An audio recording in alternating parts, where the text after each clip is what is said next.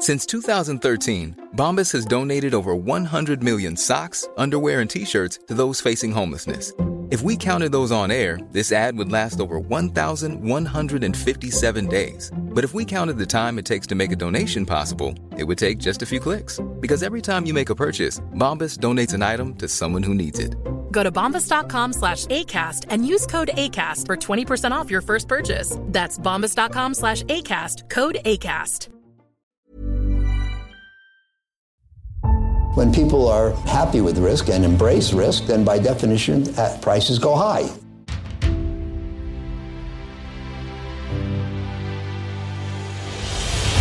When the cycle turns down, they generally sell at prices that are far too low. This is not about getting more information. We live in a world where we have too much data. I'm uh, happy to report another stable quarter.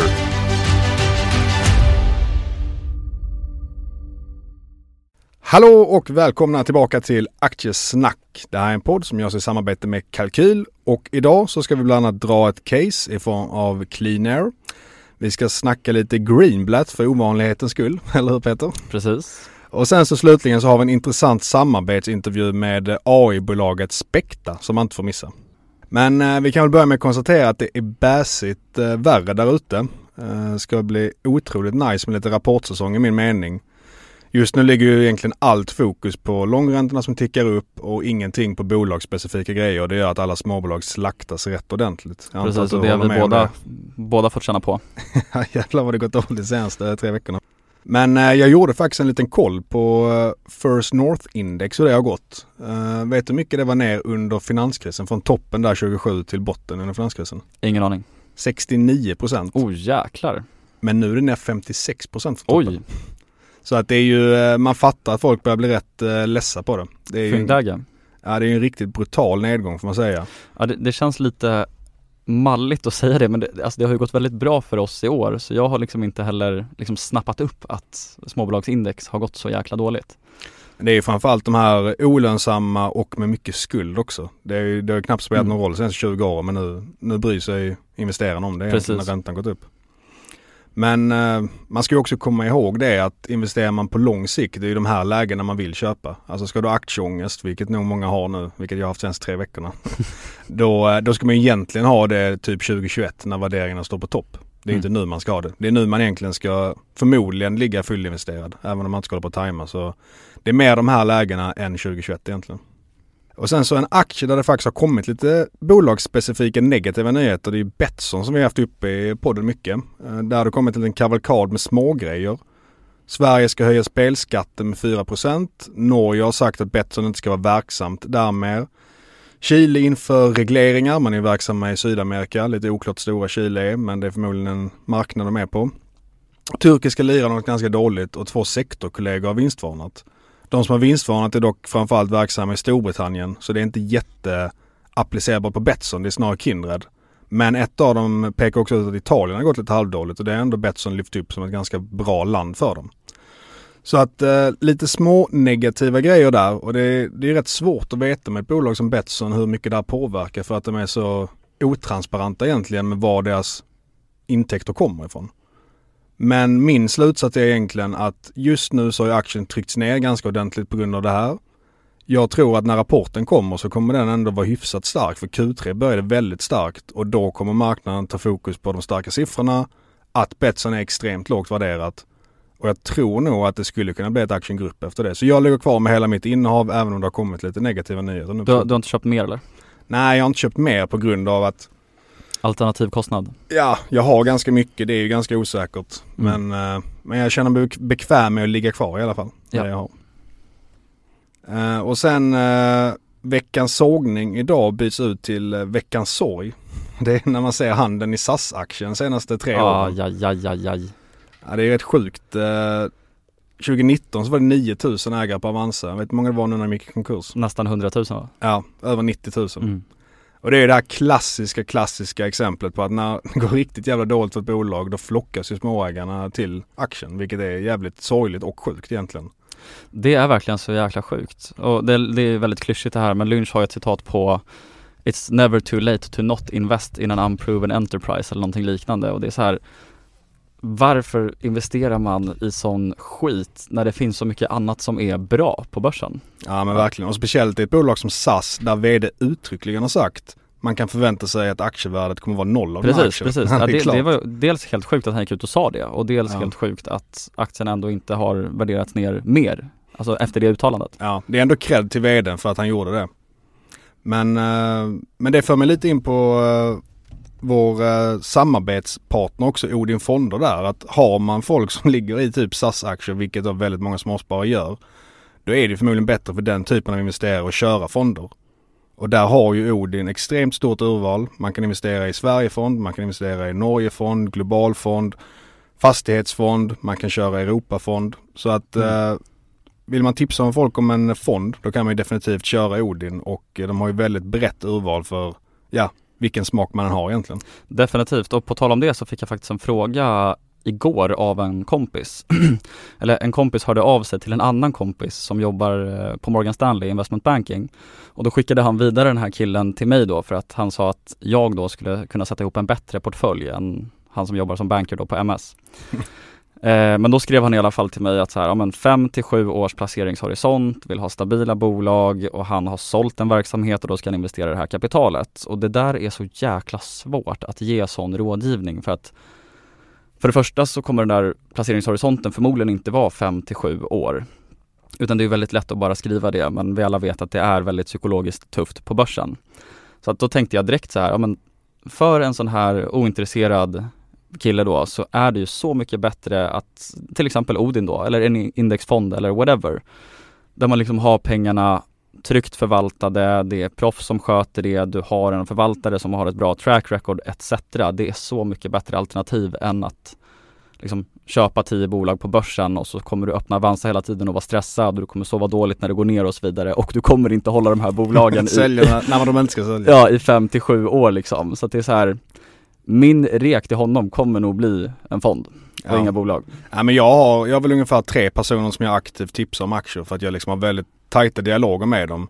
Utöver det så tipsar jag typ om fonder egentligen. På grund av att eh, det är också lätt att man tipsar om en aktie och sen så går det dåligt så glömmer man bort det. Då har du inte koll på det och så har du inte sagt det till den personen.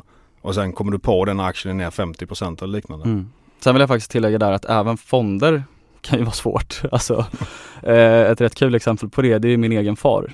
Jag, jag tipsade om några fonder och sen så, som vi alla vet, har det gått ganska dåligt på börsen senaste året.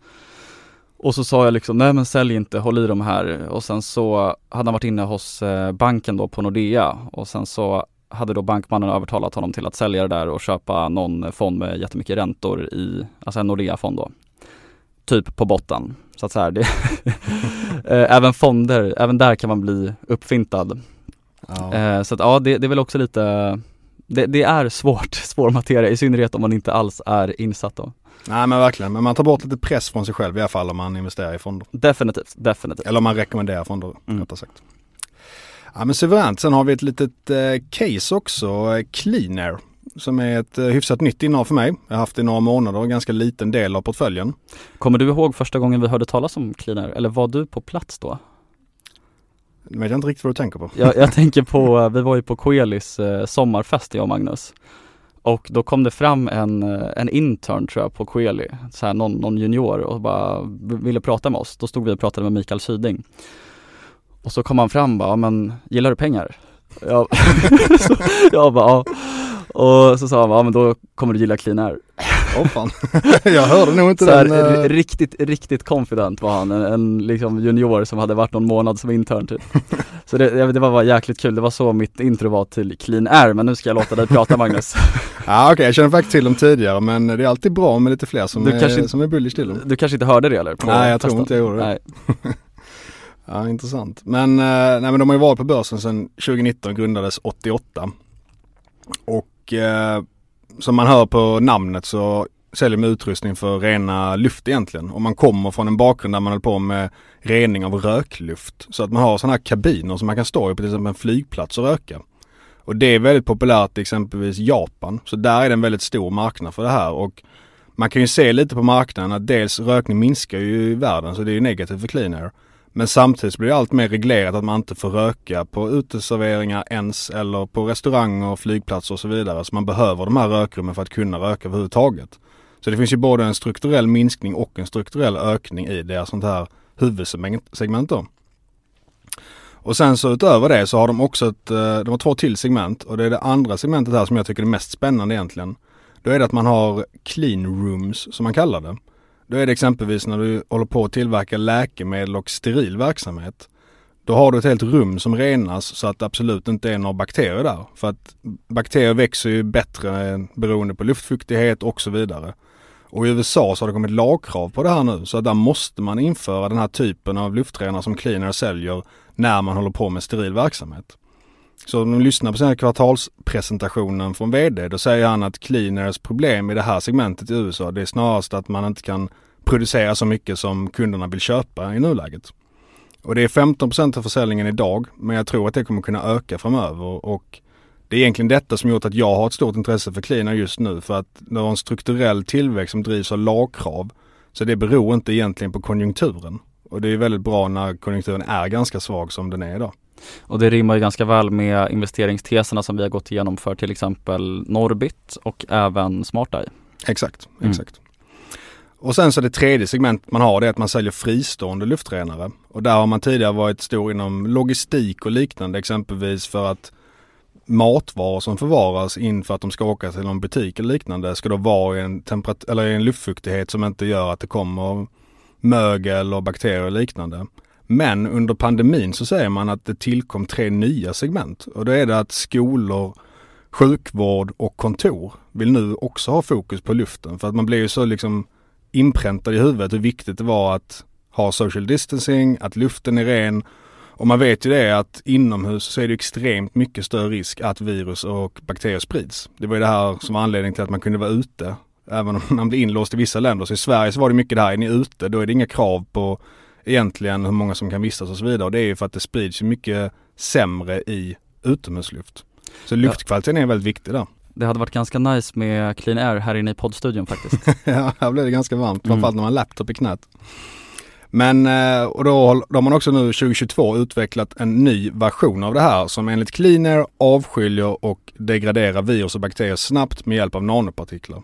Så jag tror också att det området är någonting som kommer ha strukturell tillväxt under lång tid för att det här är liksom någonting som alla har blivit mer medvetna om egentligen framöver. Sen så just det här segmentet är lite mer beroende av konjunktur och liknande men jag tror att på lång sikt så kommer det här ändå vara fin tillväxt. Just nu säger man att Europa är lite sådär skakigt. Vilket det är inom logistik och industri i Europa. Men jag tror att på sikt så kommer det här också vara ett bra segment. Men bullcaset är alltså USA och de här 15% av topline som helt enkelt ska flyga ganska snabbt nu framåt. Ja, i min bok mm. är det det i alla fall. All right. Och sen så en ganska stabil verksamhet i övrigt också egentligen. Sen det negativa med bolaget är att historiskt så har man haft ganska slagig verksamhet och och eh, förra vdn gjorde satsningar förra året där de ökade kostnaden ganska mycket som inte slog jätteväl ut. Mm. Men man har en ny vd nu som jag tycker känns jävligt mycket mer kompetent. Och det är rätt sällan man så har ett vd-skifte där man känner att oj den här vdn är bättre än den gamla vdn. Har han köpt aktier också eller? Han har köpt aktier och köpt eh, 3 miljoner nu för några veckor sedan. Mm. Eh, så att eh, det är också en del som är positiv i ägarbilden där. Det har varit insynsköp av styrelseordförande efter kvartalets slut. Det är alltid trevligt, det är rätt sjukt man kan göra det men det visar att Q3 kommer förmodligen bli hyfsat i alla fall. Och det är också efter att aktien har gått upp ganska mycket va? Ja det är det. Den gick ju upp väldigt mycket på förra kvartalsrapporten mm. som var väldigt stark. Och sen har det ytterligare två insiderköp i år så att insiderhandeln har varit väldigt bra. Inga sälj? Inga sälj vad jag kommer ihåg i alla fall. Okay. Sen har man också en ganska intressant del och det är att det var en stor dansk ägare. Och I Finanssverige gillar man inte danskar men de, de har legat och sålt under senaste året och minskat sitt ägande från 13,5 till 9,5 procent av bolaget. Så de har då sålt 4% och det blir ju ganska mycket tryck på en sån här lite mindre aktie som inte har något köptryck egentligen från fonder och liknande. Det är market cap en halv miljard. Men nu när de då liksom är borta för att de har plockats bort av en ny storägare som gått från 0 till 26% på två kvartal. Så det innebär ju att säljtrycket från den danska kommer förmodligen vara borta. Och den här nya storägaren, med tanke på hur snabbt de har ökat, så tror jag att det kan finnas lite chans att de köper ut hela cleanen. Mm, jag tänkte det eftersom att det är så otroligt stor size. Exakt. Vad är det för aktör? Eh, Swedavia heter de, Staffan Persson. Så det är liksom ett Mm. typ investmentbolag från en eh, väldigt rik privatperson. Ja, jo men jag känner till han. Ja, han har en del pengar. Men eh, så det är också lite bullcase. Det finns en möjlig utköpsoption här i min bok. Eh, har Swedavia tidigare gjort liknande affärer eller? Alltså köpt upp bolag och tagit dem från börsen? Bra fråga, det borde jag kanske ha koll på. De har några onoterade innehav, jag vet Mm. dock inte om de har varit på börsen tidigare. All right. Eh, och sen så själva affärsmodellen är också lite speciell. Den är att grunden, de har ju också engångsförsäljning, men i grunden så har de mycket egna luftrenare som de hyr ut till bolag. Och det gör att man har ju väldigt mycket recurring revenue. Och churnen på den, den borde man ju kunna tänka är ganska hög eftersom det är liksom fysiska produkter, man kanske använder det, slutar använda det. Men churnen där ligger bara på 6,5%. Så det tycker jag är väldigt bra. Speciellt med tanke på om man jämför med ett mjukvarubolag. Då har du ju ingen grej du får tillbaka ifall någon säger upp. Här äger du utrustningen så att även om kunden säger upp, då har du ett värde kvar som du får tillbaka när de säger upp. Och den här körnen har gått från 10% för två år sedan, 8,5 förra året, 6,5 nu. Vet du vilka aktörer man hyr ut det här till? Ja, men det är bland annat då de här uh, rökbåsen och liknande. Mm. Så att det är, det är den typen. Så offentliga miljöer typ? Ja, Ja. exakt. Känns också som att det är så här Det är nog en ganska liten kostnad för många av de aktörerna så att man liksom inte tänker så mycket på att det är en utgift som kanske borde kapas till exempel. Ja, ja men Ja, faktiskt. vilket skulle kunna liksom ge lite färg till varför körnen är låg då. Ja, Jag håller helt med om det. Det här också med att de hyr ut utrustning då, det gör ju att man binder en del kapital i bolaget så att man har hyfsat hög nettoskuld. Så att i min bok, om man kollar på det här, jag brukar gilla ev-ebit och jag brukar gilla bolag som inte har så mycket skuld. Här tror jag dock att det är ganska lugnt med skulden för att man har så stabila kunder och låg churn. Men det är också att man kan inte riktigt kolla på ebit utan jag tycker man måste justera för skulden, alltså räntebetalningarna när man kollar på värderingen. Så att jag räknar rörelseresultatet som rörelseresultatet minus räntebetalningarna då. Och då får jag 65 miljoner vilket ger ev-ebit 10-11 ungefär i dagsläget på 2023 års vinst. Så det är inget, det är inget jättedyrt bolag heller. Och topline växer med vad då just nu? Alltså hela topline? Just nu är det väl typ 15-20 procent och man har Mm. väldigt stark orderingång senaste tre kvartalen också. Så jag tror att det kommer fortsätta under det här året i alla fall. Har topline liksom stigit nu när den här delen i USA har växt snabbare eller när de har sagt det? Det har den gjort och sen så nya vdn har haft en väldigt stark eh, impact på bolaget också i min mening. Det, det Mm. verkar som det i alla fall och hans liksom fokus är väldigt säljfokuserat, nära dialog med kunderna och så vidare. Så jag tror att det har hjälpt till den här starka orderingången man haft då. Så orderingången och topline har liksom accelererat i tillväxt. Det kan man definitivt säga. Ja. Sen är det ju så med clean, man måste ju säga det att historiskt har de inte haft den här starka tillväxten. Då har det mer varit de här rökbåsen som varit ganska stabila och sen så kanske lite ökning i omsättningen. Men man har mål på 10% organisk omsättningstillväxt om året och jag tror man kommer kunna hålla det. Speciellt nu med den här regleringen i USA som har kommit. Spännande. Absolut. Jag har köpt aktier, ungefär eh, 4% av eh, portföljen. Oh, det är mycket aktier. Ja, det vet jag inte. det är inte jättemycket av portföljen, men det är ju lite på grund av att man haft lite den här osäkra historiken. Man har ändå lite skuld, men jag tycker ändå att det finns många argument till varför det borde gå fortsatt starkt för Cleaner. Men du tenderar väl att sizea initialt 4, 5, 6 procent och sen så lär du känna verksamheten över tid. Alltså jag jag upplever i alla fall att det, det dröjer ofta några kvartal i alla fall innan du kommer upp till kanske 15 procent i size. Ja, men det, det är väl ändå en hyfsad eh, iakttagelse. Det beror ju lite på verksamheten också. Ja, det, Alltså- det hoppas jag. Nej men om man kollar på till exempel ett Duni som liksom har funnits så jäkla länge och har Just det. stabil och det är liksom bra likviditet i aktien. Där sizar jag ju väldigt snabbt upp till ett väldigt stort innehav. Mm. Men i de här lite mindre bolagen då vill jag gärna se lite mer att det rullar på och sen öka helt Mm. enkelt. Så jag investerar ju mycket hellre, jag ökar ju mycket hellre i bolag som kommer med en stark kvartalsrapport än de som kommer med en svag. Så jag vill ju gärna se att det rullar på och att mitt scenario helt enkelt spelar ut sig. Då ökar jag hellre. Ja. Suveränt, så det var uh, Cleaner egentligen och vill man läsa mer om det så eh, skriver duktiga Oskar Wilhelmsson på Redeye om bolaget. Så där kan man läsa analyser om dem. Nice. Nice, och nu ska Peter få prata om sitt kanske favoritämne i världen. Greenblatt och spin-offs. Det är ditt favoritämne. ja, det är bådas favoritämne. Ja. Ja men då tänker jag att vi börjar med lite bakgrund till Joel Greenblatt och, och presenterar vem han är och sen så pratar vi lite om special situations som han kanske är mest känd för. Och sen så går vi lite djupare in på special situations och pratar lite avknoppningar och lite återköp. Hur låter det? Det låter som en jävla julafton. Eh, nej men Joel Greenblatt är ju väldigt synonymt då med värdeinvestering och så kallade special situations då som sagt. Och det sistnämnda kan ju sammanfattas precis som namnet antyder egentligen och det är ju speciella situationer eller events då som frekvent sker på aktiemarknaden. Såsom avknoppningar, återköp, omstruktureringar och förvärv. Och värt att nämna förutom det här är att Joel Greenblatt också är känd för The Magic Formula som är en då kvantbaserad investeringsmetodik som egentligen grundar sig i en enda formel som tar då avkastning på kapital och earnings yield i beaktning och som faktiskt har producerat helt otroliga returns historiskt. Men den kommer vi inte prata om så mycket idag utan vi fokuserar på Greenblatt, avknoppningar och återköp.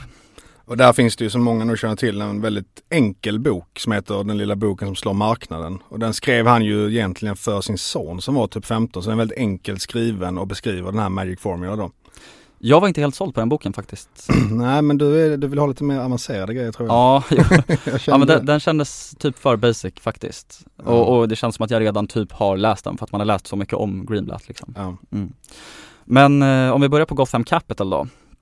Eh, för det första då så, så pluggade ju Greenblatt på det mest prestigefyllda universitetet i världen när det kommer till finans och det är alltså Wharton School of Business och fun fact här det är att det är otroligt många investerarlegendarer som har pluggat där. Vi har ju till exempel Peter Lynch, vi har Nassim Taleb, vi har Warren Buffett, Elon Musk har gått på Wharton, Sundar Pichai som är VD på Alphabet har gått på Wharton. Så det är verkligen rimligt att det fortfarande anses som det bästa liksom, finansfakultetet i hela världen. Och efter studierna på Wharton då så startade Greenblatt hedgefonden Gotham Capital år 1985 och det här är alltså en av de bäst presterande hedgefonderna någonsin. Och under de första tio åren här så presterade ju Gotham Capital ungefär 50% avkastning per år, vilket då såklart är helt, helt sanslöst. Det är väl, vad jag känner till i alla fall, är den bästa avkastningen någonsin för en fond. Mm, Jim Simmons med Renaissance Technologies Just och Medaljonfond är, är, bättre faktiskt. Eh, jag tror att den avkastningen är typ så här 63% per år i typ så här 30 år. Alltså det är så här, det är helt sjukt. Och, det är ju någon sorts algoritmstyrd eh, matematisk formel som mm. gör att han eh, presterar det egentligen. Alltså ha, han är så jävla cool by the way. Nu ska vi prata om Greenblatt men han är ju en gammal mattelärare, alltså som är så otroligt skarp på, på, på, matematik då såklart. Och sen så blir han liksom världens främsta investerare mätt liksom i Kagger då över tid. Alltså Buffett och, och Munger har gjort det över längre tid men han har alltså haft en bättre avkastning mätt i Kagger. Och sen så är det väldigt mycket mystik kring Simmons för det är ju ingen som vet exakt hur strategin funkar och det är så otroligt många briljanta människor som försöker lista ut hur de gör. Men det är ingen som, som, som vet eller har listat ut det. Så ja, vi, vi får prata lite Jim Simmons i ett annat avsnitt. det får vi göra. Man kan tillägga också med Greenblatt att hans avkastning var ju då under 80-90-talet när det var en extrem bullmarknad. Men hur man än vrider och vänder på det så var det ju helt sjuk avkastning han hade på 50% kagger. Ja, och ja. Och intressant på det temat det är ju att man måste ju faktiskt vara ganska kortsiktig och leta efter kortsiktiga katalysatorer, precis som vi ska prata om idag, om du ska nå en sån avkastning. För det finns ju ingen aktie som går 50% per år i 10 år, eller i alla fall ytterst, ytterst få aktier. Så att bara med det som grund så kan man ju bara, så kan man ju anta liksom att man behöver faktiskt vara rätt kortsiktig. Precis som Greenblatt har varit för att nå sådana här sjuka returns. Nej men exakt och där är ju fördelen som privatinvesterare att man kan vara det. Exakt. Sen så är det klart, men det är nog inte många som tackar nej till en fantastisk fond som ger 20% men vill ha den här exceptionella avkastningen då måste man kolla på lite sådana här grejer. Precis och på tal om det så är det också ännu sjukare att han presterade så bra när det faktiskt var en rätt stor fond också. Mm. Alltså du nämnde, nämnde nu liksom att det är lättare för privatpersoner och då antar jag att du menar att det är för att man har mindre kapital och kan vara mer snabbrörlig. Exakt. Ja, precis. Så att 50% per år i en ganska, med en ganska stor hedgefond och mycket kapital, det är verkligen helt, helt insane. Eh, hur som helst då så är Greenblatt faktiskt lärare på Columbia i New York just nu och hans kurs där är ju legendarisk och den heter just Special Situations Investing. Och jag tror jag sagt det i podden tidigare men vi träffade ju faktiskt en hedgefondförvaltare i Omaha som har haft Greenblatt som lärare. Så, Mhm. så det är väl lite kul att få fråga honom. Det är han som, eh, som rättar fest efter stämman varje år i Omaha. Jeff Graham heter han. Han måste varit nöjd med sin lärare eller? Ja, han, jag frågade ju om, eh, om Greenblatt. Så sa han bara, oh, oh you mean Joel? Alltså så här, de, de verkar ju vara tajta typ. Ja. ja. Det är inte som ens egna lärare som bara pratar effektiva marknadshypotes. Nej, precis, nej men han var helt såld. Han bara, ah, I love Joel man, you know these special situations, I love them. typ så. Du bara Han var helt, helt tokig liksom. Eh, ja, så det, det var bra surr. Eh, men om vi går in lite mer då på special situations. Kortfattat då så kan man ju säga att det innebär att det uppstår möjligheter när ett bolag genomgår en betydande för, förvandling. Och teorin bakom det här fenomenet är att marknaden antingen är ganska långsam på att reagera på sådana här förändringar eller då saknar information eller expertis för att korrekt kunna bedöma vad sådana här events får för påverkan på bolagsvärdena. Och utöver det här så finns det flera saker såsom att indexfonder till exempel måste sälja av vissa avknoppningar. Alltså det vill säga om ett bolag på OMXS30 eller S&P knoppar av ett bolag så får ju indexfonden per automatik ägande i det, i det bolaget som hamnar utanför indexet. Och det är en passivt förvaltad fond som alltså inte får äga det så då blir det liksom ett automatiskt säljtryck. Exakt och där har vi många exempel senaste åren i Sverige. Vi har till exempel Sandvik som eh, spann av Aleima. Vi har SBB som spann av eh, Neobo. Och eh, kollar man på Aleima tycker jag är ett riktigt bra exempel på den här effekten. För där var det ju att aktien sjönk första månaden när alla de här som inte fick äga längre var tvungna att sälja. Och sen nu senaste året efter det, Aleima är väl typ ett och ett halvt år gammalt drygt, då har den gått bättre än index.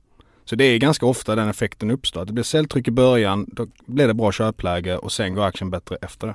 Precis, du kanske kan det här i huvudet men jag har för mig att statistiken för det här är att en spin-off ofta underpresterar i typ 6 till 9 månader, alltså första tiden på börsen, för att sen överprestera. Ja, I. I och med det här liksom naturliga säljflödet som kommer. exakt, jag tror det är det. Början är det lite underprestation men trots det så är det sammanlagd överprestation första två åren. Så det visar Mm. hur jäkla stark överprestation det blir sen efter det säljflödet har avtagit. Precis, och där kommer vi nog in på det senare för att det är också många saker som är alltså, otroligt bra för en spin-off, så som att en ledning kan få mer direkta incitament och då kan flytta nålen mer också för det bolaget som, som knoppas av. Och nu märker jag redan på mig själv att eh, jag har kört lite svengelska här och det brukar jag ju faktiskt få kritik för. Men spin-off betyder alltså, eller avknoppning och spin-off är samma sak. Alltså spin-off är det engelska begreppet. Så att, och jag misstänker att det blir mer svengelska framöver även ja, i men jag tycker avsnittet. svengelskan är okej. Ja, ja men toppen, toppen. Lyssna inte på det haters Peter. Nej. Jag tänker också att vi ska förklara vad en avknoppning är och det är ju när ett moderbolag då separerar en del av sin verksamhet till en ny självständig enhet. Och sen är det också intressant att diskutera varför avknoppningar genomförs. Och en anledning, kanske den allra vanligaste, det är att styrelser och ledningar helt enkelt tror att två olika enheter till exempel då en e-handelsbusiness och en fintechverksamhet kommer värderas högre om de splittas upp. Och det här är någonting som jag inte tycker att man ska underskatta. För förutom att styrelsen och eller ledningen tror att ett sånt här initiativ kommer skapa aktieägarvärde, vilket är betydelsefullt i sig, så ger det ju här också en väldigt hälsosam signal vad gäller corporate governance tycker jag, eftersom att ledning och styrelse påvisar att man vill skapa aktieägarvärde och förstår hur man gör det. För att hade de bara velat dyrka sin egen image och lönekuvertet så är det såklart bättre att vara VD i en större koncern för lön korrelerar faktiskt ganska kraftigt med börsvärde. Sen är det också lite häftigare att vara VD på en större koncern, alltså om man då har det som incitament och, och tycker att det är häftigt. Ja men det är, det är bra poäng och jag tror att framförallt under 2020 och 2021 såg vi ju just det här du pratar om, man vill bygga ett imperium. Och då kanske det ofta blir att man köper bolag som inte är de bäst lämpade. Utan man bryr sig mer om att växa genom förvärv än att faktiskt skapa aktieägarvärde och göra bra förvärv. Precis, och det här pratade vi om tror jag i Capital Returns avsnittet när vi gick igenom den boken. Men generellt, alltså även med statistik som grund så är det ju bra för avkastningen. Alltså det korrelerar med, med bättre avkastning om ett bolag slimmar sina tillgångar. Till exempel då genom avknoppningar eller eh, utdelningar och så vidare. Så det är också bra att ha med sig att liksom statistiken är på en sida också. Och ibland så kan man ju knoppa av ett bolag eh, för att man helt enkelt vill bli av med ett sämre affärsben också. Och här är det också rimligt att tänka på att även ett sämre affärsben tar ju mycket tid och fokus och moderbolaget måste ju också allokera resurser dit, alltså i termer av kapital. Och det här kan också bli, alltså för spinoffs är bra även för moderbolaget ofta. Eh, så det här innebär ju kort och gott att om en liksom sämre division försvinner så kan man ju vara helt fokuserad på moderbolaget och kärnan egentligen. Och sen också den här rabatten som marknaden ofta ger för att man ser det som liksom, ja men jag vill investera i X men det här är X, Y, Z och jag vill inte ha de andra grejerna så därför så vill jag inte riktigt ha det här bolaget. Mm. Det är ju ganska vanligt också och det gör att det blir en sorts konglomer konglomeratrabatt mm. eller egentligen investmentbolagrabatt som man ser. Och den, den effekten försvinner ju då det kan frigöra lite värde för en. Den där tycker jag är rätt intressant för i vissa konglomerat så kan jag tycka att man borde invertera den för att vissa affärsben har så tydliga synergier med varandra. Alltså om man tar till exempel um, ja, C-Limited, deras liksom e-handelsben och fintechverksamhet har ju så otroligt starka synergier. Vi kan också ta eh, AVS och Amazons e-handel till exempel. Där finns det också synergier. Så i, i vissa fall tycker jag att ett konglomerat ska vara värderat högre. Men det är nästan alltid så att det blir en konglomeratrabatt på det. Det vill ja, säga att, att spretiga koncerner generellt har lägre multiplar. Och det blir lite mindre risk också egentligen när man har flera ben att stå på. Men man ser ju exempelvis om Investor har ju alltid lite rabatt mot sitt substansvärde. Så att det kanske är lite att folk tycker det blir för komplicerat, det är lite svårt att räkna sum of the parts. Mm. Men när man väl frigör det då är det enklare att se hur mycket värt det är egentligen. Precis. Sen finns det såklart en rimlighet i att vill du till exempel bara investera i Amazon Web Services och måste köpa e-handeln också, då blir du naturligt mer, mer priskänslig såklart. Så att så här, jag ser båda läger liksom, men jag tycker att i vissa fall så kan ett konglomerat argumenteras vara mer värt faktiskt, fast inte prissatt så. Absolut. Och när det kommer till eh, avknoppningar då, så det, det kanske absolut mest viktiga att poängtera när det kommer till det här då initiala säljflödet. Vi pratade till exempel om eh, bolag som ingår i index. Att då uppstår det såklart ett naturligt säljflöde för att indexfonderna måste sälja avknoppningen. Men det här ser vi också i att befintliga ägare, alltså distributionen av aktierna går ju till befintliga ägare i, alltså i moderbolaget, även för avknoppningen. Och det är nog väldigt få som äger liksom en, en koncern och van, vanligtvis så utgör ju en spin-off kanske 10-20% av totala värdet i ett konglomerat. Och då kan man ju anta att det är väldigt, väldigt få som äger det här bolaget för den delen som knoppas av, eller hur? Mm. Och det innebär ju i sin tur att många nog är väldigt opriskänsliga när de får de här aktierna i det nya bolaget som de kanske egentligen inte ville ha. Och då menar ju Greenblatt att därför säljer många utan någon typ av fundamental analys och ingen värdering. Alltså man, man vill bara skicka iväg det här bolaget som du kanske knappt känner till typ. Men jag tror också det kan vara att äh, även om vi pratar mycket om passiva förvaltare men om man mm. kollar på aktiva förvaltare då kanske det är att du har ett bolag som är 3% av portföljen Gör de en spin-off så det nya bolaget är 0,3 Precis. Då är det för litet för att de ska lägga tid på det och hålla koll mm. på det. Då är det lättare att bara sälja det och fokusera på de andra innehaven. Precis, dels flyttar inte nålen för dem för att det är så ofantligt litet så de behöver inte bry sig så mycket om, om priset. Och dels så kan det faktiskt vara så här fondstrukturer som gör att de måste sälja det. För alltså fonder har ju ofta ett visst liksom spann av market caps som de får handla. Exakt, man är en storbolagsfond exempelvis. Exakt, och då är det alltså, eh, de måste vissa helt enkelt sälja om de får ett bolag som är för litet. Och det kan också faktiskt vara så att för likviditeten och börsvärde blir såklart mycket mindre på en spin-off. Som jag sa, oftast är det kanske 10-20% av totala värdet.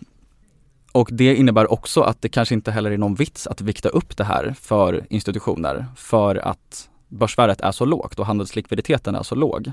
Så det innebär alltså att de oftast bara skickar ut det helt enkelt från portföljen.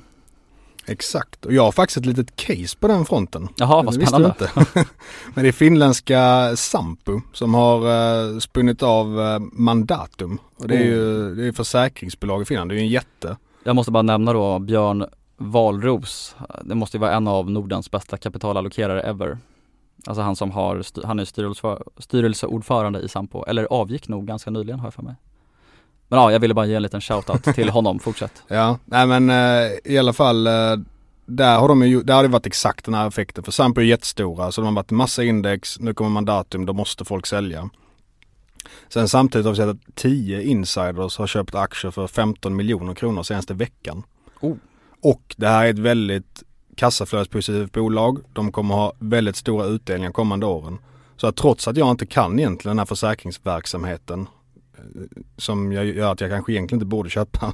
Men det är att jag bara har köpt ungefär 1% på just de här faktorerna som vi har pratat om. Så att jag tror ändå det, för min del är det ganska värt med det här bettet för att det är mycket som talar för att den här aktien är lite felprissatt just nu på grund av de här stora säljflödena som varit. Och intressant, för, för Greenblatt lyfter det att det absolut viktigaste att kolla på hos en spin-off, det är ju just vad insiders gör. Och det kan också vara eh, taktiskt menar Greenblatt att man marknadsför inte spinoffen så mycket, alltså man, man skyltar inte så mycket med spinoffen till marknaden just för att insiders vill komma in till en bra, på en bra nivå. Mm. Eh, så han, han menar liksom att därför ska man kolla på en spinoff där moderbolaget inte pratar så mycket om det här och så ska du liksom titta väldigt skarpt på hur insiders agerar när spinoffen är genomförd. Så det här låter ju verkligen som en sweet spot för det. Ja men exakt och jag kommer också ihåg att han har pratat om det att då kan de ju också få optioner som blir lägre prissatta så de får någon sorts hävstång i det här också. Mm, så att om precis. det blir en låg värdering på spinoffen då blir det dubbelt bra för dem. Ja, intressant. Mm. Det där jag ska spana närmare på. Ja men gör det, får du gärna analysera det också för det kan inte jag riktigt. det är försäkringsverksamhet. Och den andra spe- special situation vi ska prata om det är ju återköp. Vill du börja här Magnus? jag vet inte riktigt vad jag ska säga. Men jag kan ju ti- tillägga att det är ju då när bolag köper tillbaka sina egna aktier. Och det finns ju många grejer som är bra med det och jag tycker speciellt i dagens marknad är det nog extra viktigt. Framförallt om det är ett litet bolag. För att man ser ju i vissa aktier att det finns ju typ inga köpare. Alltså fonderna får inte in nya pengar så de kan inte köpa. Och det finns ju folk som säljer för att de är rädda för att ekonomin går dåligt.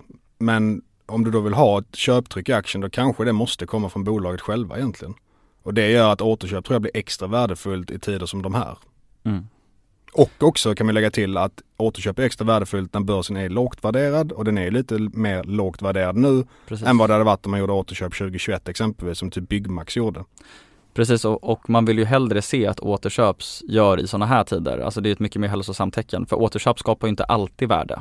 Exakt. Utan eh, äh, det, det läste vi också i Capital Returns ju att återköp görs faktiskt ofta på helt fel värderingar och det resulterar i att det faktiskt inte skapar värde.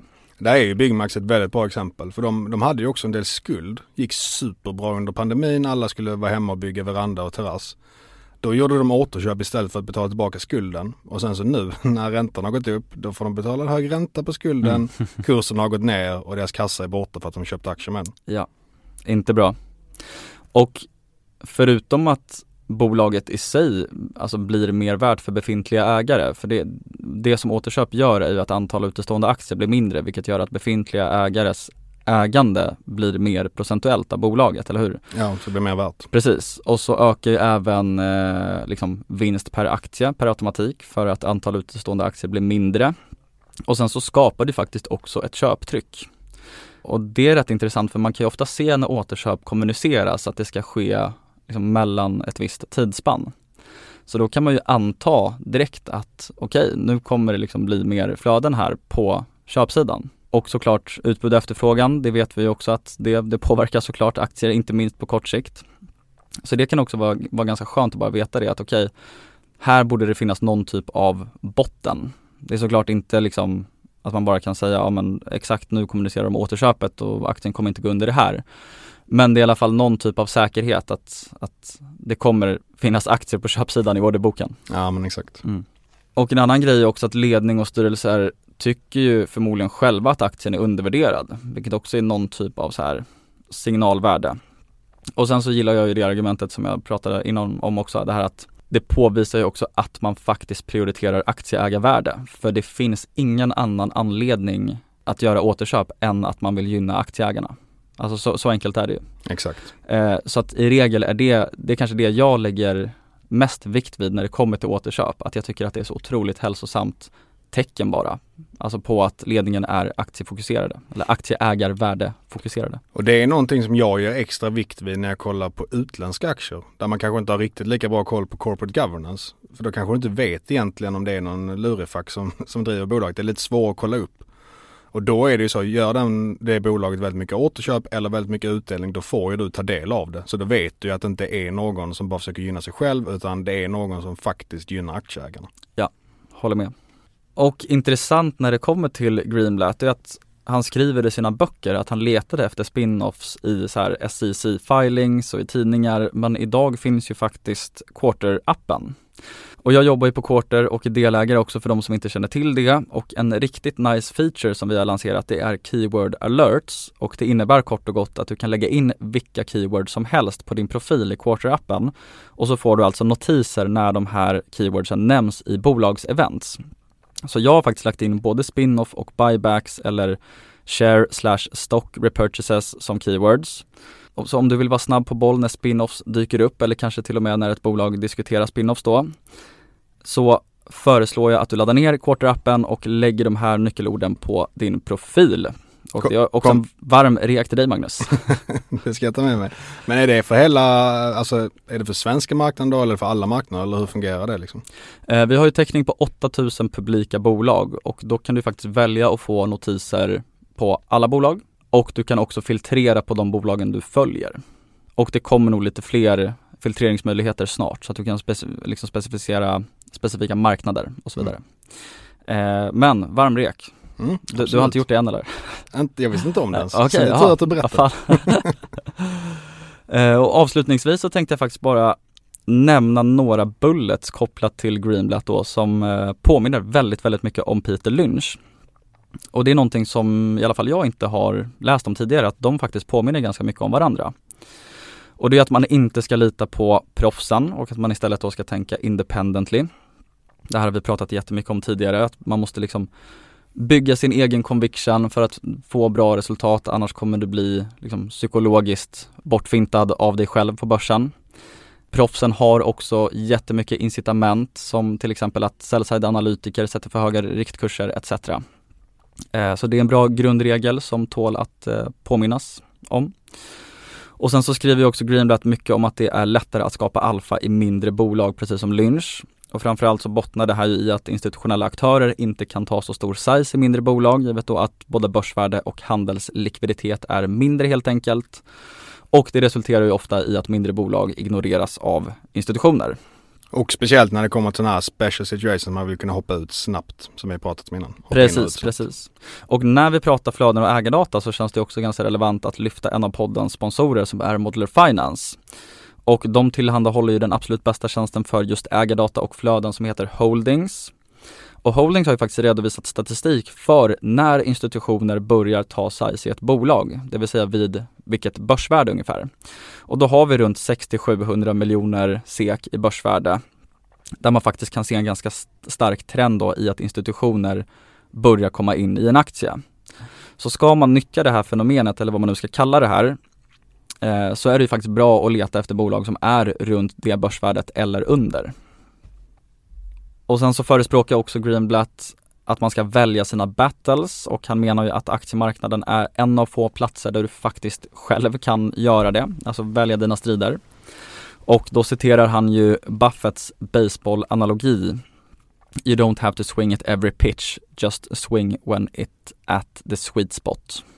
Och det är någonting som jag själv har märkt nu när man sitter hela dagarna och kollar på marknaden att det är rätt lätt att hoppa in i någonting som man inte borde göra för att det ser bra ut till 80% men man kanske inte har riktigt koll på de sista 20 procenten men då får man inte den här convictionen man behöver. Så att jag har ändå märkt, jag har haft en del sådana man har köpt och sen så har jag sålt igen typ fem timmar senare när jag bara insett att nej fan jag borde inte ha det här, jag borde köpa mina säkra hästar istället. Och där blir det också lite så här action bias. Ja alltså, men det är exakt, det, det blir det verkligen. Exakt, det vill säga att så här när man lägger mycket tid på det så får du typ ett un, en underliggande press på dig själv att du måste agera för att så här, nu har du suttit x timmar vid desken men du har inte gjort någon transaktion. Mm. Eh, så det, det, är också här otroligt intressant att tänka på det för oftast är det faktiskt bäst att bara sitta still i båten. Och vara i alla fall väldigt säker när man väl gör någonting istället för att gå på typ, ja, ren magkänsla och liknande. Ja, precis. Och Greenblatt tycker ju också, precis som Lynch, att man ska ha koncentrerade portföljer. Och det är ju ja, hur många som helst som förespråkar det här. Vi har ju inte minst Munger och Buffett. Men viktigt här såklart är att man ska ha en koncentrerad portfölj om man gör hemläxan, om man liksom är duktig och lägger tid på det här. Annars är det faktiskt väldigt, väldigt dumt.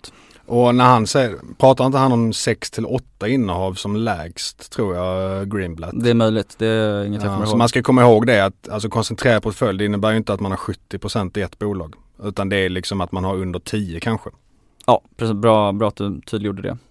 Och sen så gillar jag också Greenblatt simplicitet och menar liksom att man ska kunna förklara sin investeringstes väldigt, väldigt enkelt, kanske till och med med några få meningar. Eh, så ja, lite så här common sense pratar han ju mycket om och det tål att upprepas tycker jag. Så eh, är det någonting du tycker jag har missat på Greenblatt eller? Nej men jag tycker du har eh, täckt det bra. Som sagt, det, det finns ju mycket mer. Det finns ju Magic Formula. Man skulle kunna prata om typ så här konkurser och annat som man också skriver om. Men jag tycker, jag tycker att det här är mest intressant. Ja men jag håller med. Och man kan ju också ta med sig att det finns ju väldigt mycket att lära sig från Greenblatt. Både genom hans föreläsningar på Columbia. De Mm. finns både skrivna som man kan ladda ner online och det finns både på YouTube. Sen så har han varit med i en del poddar och som sagt han har skrivit flera böcker också. Så att det är ju väldigt nice att en sån här duktig investerare kan man få ta del av hans tankar och har man inte gjort det så borde man göra det. Det kan vara ganska avancerat ibland men det är väldigt värt det. Jag tycker You can be a stock market genius är ju bäst. Alltså av böckerna. Ja. Och sen så hans class notes som du sa, de finns ju på internet helt enkelt. Det är bara att söka på Joel Greenblatt class notes. ja. Eh, de är också otroligt bra. Båda Så- de är ganska avancerade men väldigt, väldigt bra. Ja. Så med oss idag har vi Fredrik Lindros, VD på Spekta. Varmt välkommen Fredrik. Tack ska du ha. Eh, Spekta har ju en lång historik på börsen. Men det har varit en del förändringar de senaste åren. Vad skiljer Spekta idag från Spekta innan ja, 2021 egentligen? Ja, det är en bra fråga för bolaget är ju grundat 2003 och har sedan dess varit ganska experimentella liksom i vad man har byggt upp under den här perioden.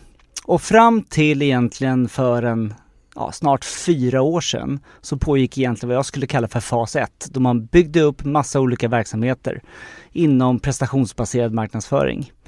Och efter det, när pandemin kom ungefär, så märkte man att marknaden förstod inte riktigt vad allt vi gjorde och värderade inte alla de här enheterna som man hade byggt upp till samma värde som man, man kanske hade värderat dem separat. Det ledde till att vi gick in i fas 2. Vi gick in och började avyttra de bolagen för att visa marknaden att det fanns mer värde i de här bolagen än vad man kanske hade sammanslaget. Avyttra alltså avknoppningar då eller? Korrekt. Okej. Så, vi började med att avyttra finska motsvarigheten till Lendo som heter Rahalaitos till Nordic Capital. Och eh, då gjorde vi det för en summa ungefär kring 400-450 miljoner. Och just då var hela Spekta kanske värderat 250 miljoner. Så det var den första delen som vi gjorde. Och efter det så avyttrade vi vinklubben till Viva Wine Group, också noterat. Och efter det så gjorde vi den sista avyttringen. Så vi gjorde under fas 2 här egentligen väldigt mycket avyttringar. Och i samband med det så delar vi tillbaka väldigt mycket pengar till aktieägarna i form av extraordinära utdelningar. Det här är faktiskt ganska kul för eh, när du har lämnat studion här så ska vi prata om just avknoppningar Mm. och en investerare som är väldigt känd för det som heter Joel Greenblatt. Så eh, ja, väldigt kul att du nämnde just det. Och då misstänker jag att vi kommer gå in på Magnus att avknoppningar i regel ger ett väldigt, en, en väldigt hälsosam indikator för att bedöma ledningen för att i regel så skapar det faktiskt aktieägarvärde. Och vi tycker också att det tyder lite på att man som liksom ledning inte bara dyrkar sin egen image utan att man faktiskt då istället fokuserar på att skapa aktieägarvärde för att hade man istället velat li- liksom leda en större koncern så kanske det är häftigare och börsvärde korrelerar också med lönekuvertet och så vidare. Så det finns ju många saker som är positiva med avknoppningar. Ja, kul att du säger det. Eh, jag låter andra bedöma min egen insats. Men eh, det som är tydligt är att marknaden inte såg de synergierna som egentligen eh, vi egentligen såg det där. Och ser man inte det och finns de inte riktigt där, då är det bättre att göra slag i sak och visa marknaden, här finns det mer värden. Och det vi gjorde i det var också egentligen första steget till fas 3 i detta. Som är att vi satsar på ett litet embryo som fanns i bolaget som då var rätt litet. Som är en AI-baserad SaaS-lösning för online-annonsörer som hjälper dem att förbättra sin marknadsföring online genom att köpa annonser på bättre sätt. Så den behöll vi för den var ett SaaS-bolag. Det var globalt skalbart men fortfarande i sin lilla linda. Så att förutom att dela ut pengarna som vi fick för avyttringarna så använde vi också den kassan för att investera i den produkten. Och kan du berätta lite om, eh, om den ännu mer och kanske Brightbid också som är det här stora förvärvet som ni gjort? För det är ju en väldigt stor del av bolaget idag egentligen. Och gärna också en till sak kopplat till avknoppningar, det här med att jag antar att ditt fokus då kan flyttas mycket mer till just den delen som du nämnde, det här embryot som ni vill satsa på. Så det får du gärna också koppla in i det här. Absolut. Vi börjar med den sista frågan att mm. genom att fokusera bolaget så leder det till att man bara kan lägga sin tid, sin fokus på en sak. Och det här är också viktigt ur ett investerarperspektiv, att man förstår vad det är man investerar i. Oh ja. Det är så mycket luddiga beskrivningar på många företags presentationer och hemsidor. Men jag vill gärna att man ska, som investerare ska kunna fatta att ah, det är det här jag investerar i. Jag tror på den här trenden eller den här produkten. Det är därför till exempel konsumentbolag med starka varumärken gör sig rätt starka för att de har produkter som folk kan förstå och relatera till för det finns i deras vardag. Och det, det, här brukar också resultera i någonting som jag brukar kalla för konglomeratrabatt i alla fall. För att du, om du vill, som investerare vill ha ett specifikt affärsben men du kanske inte vill investera i det som ni har avknoppat. Du nämnde någon om vin, eh, något vinbolag. Mm. Eh, då innebär ju det att du liksom måste köpa det också och då kanske du blir mer priskänslig till exempel. Precis, mm. exakt så. Så att eh, för att ta för nästa fråga då att vi startade tredje fasen med att göra ett förvärv av Brightbid som egentligen hade samma strategi som det embryot som vi hade sparat. Att eh, gå ut och satsa på viss typ av sökannonsering och bygga en AI-motor att förbättra det. Och det som är charmen med den här typen av annonsering som är sökannonsering, det är att den tänker precis som en investerare ska göra. Nämligen att det är mätbart. Så lägger jag in 1000 kronor i annons kostnad eller marknadsföringspeng så vill jag få tillbaka en ROI på 3000, alltså gånger 3 i avkastning. Så i och med online-annonseringen som ökar jämfört med kanske print och outdoor och så vidare och TV som inte är jättemätbart så är online-annonseringen mer som investerare tänker, nämligen att man tänker på vad är det för avkastning jag vill ha och hur mycket försäljning vill jag ha till just den procenten. För ingen blir rik på procent egentligen, utan det är också att det måste finnas en underliggande volym i det. Hur funkar det konkret då när ni ska göra den här eh, optimeringen?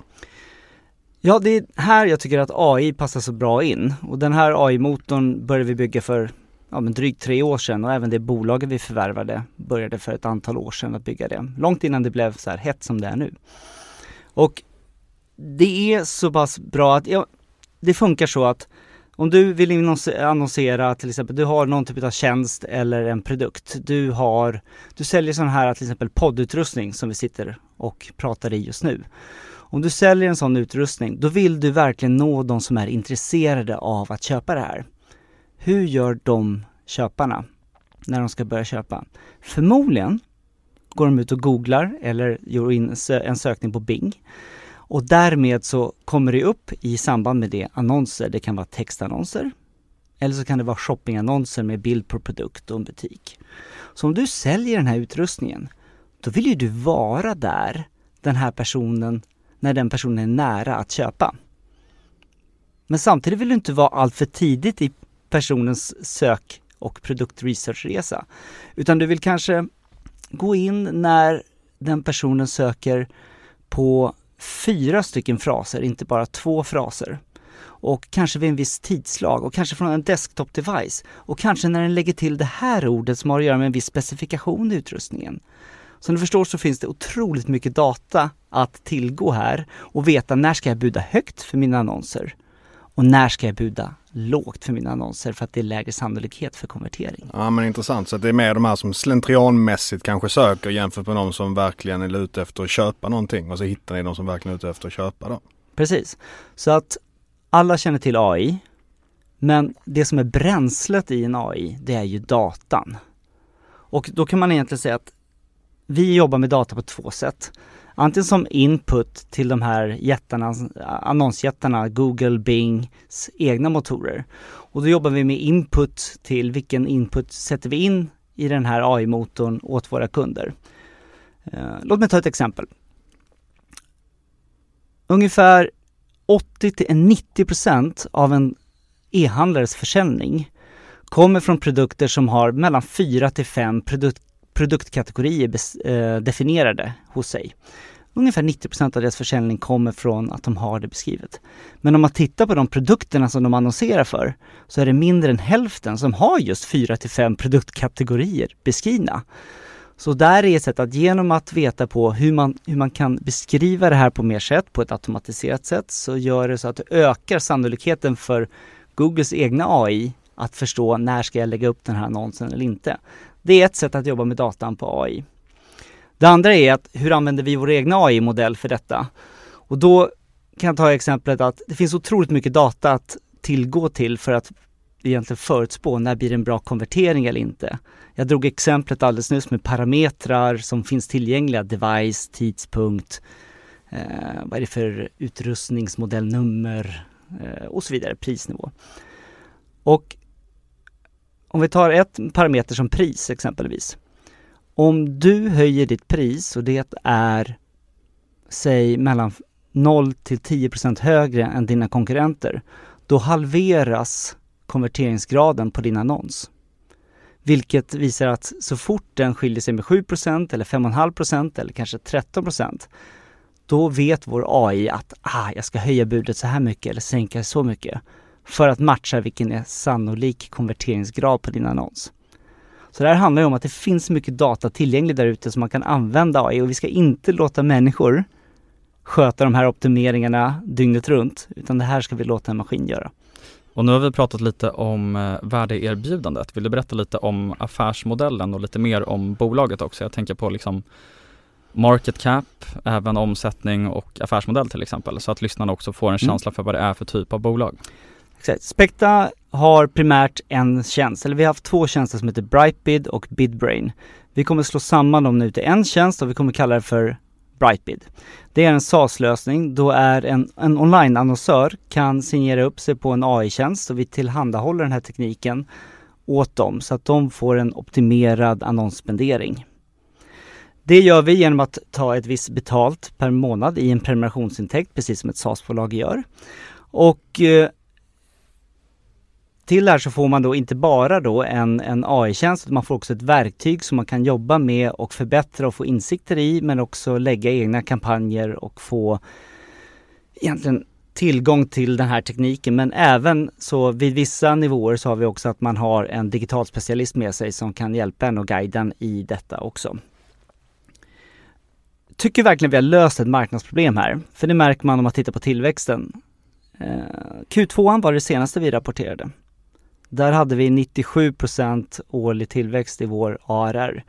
Vilket visar att äh, vi har verkligen knäckt det här på något sätt. Från vilken nivå växte ni och till vilken nivå?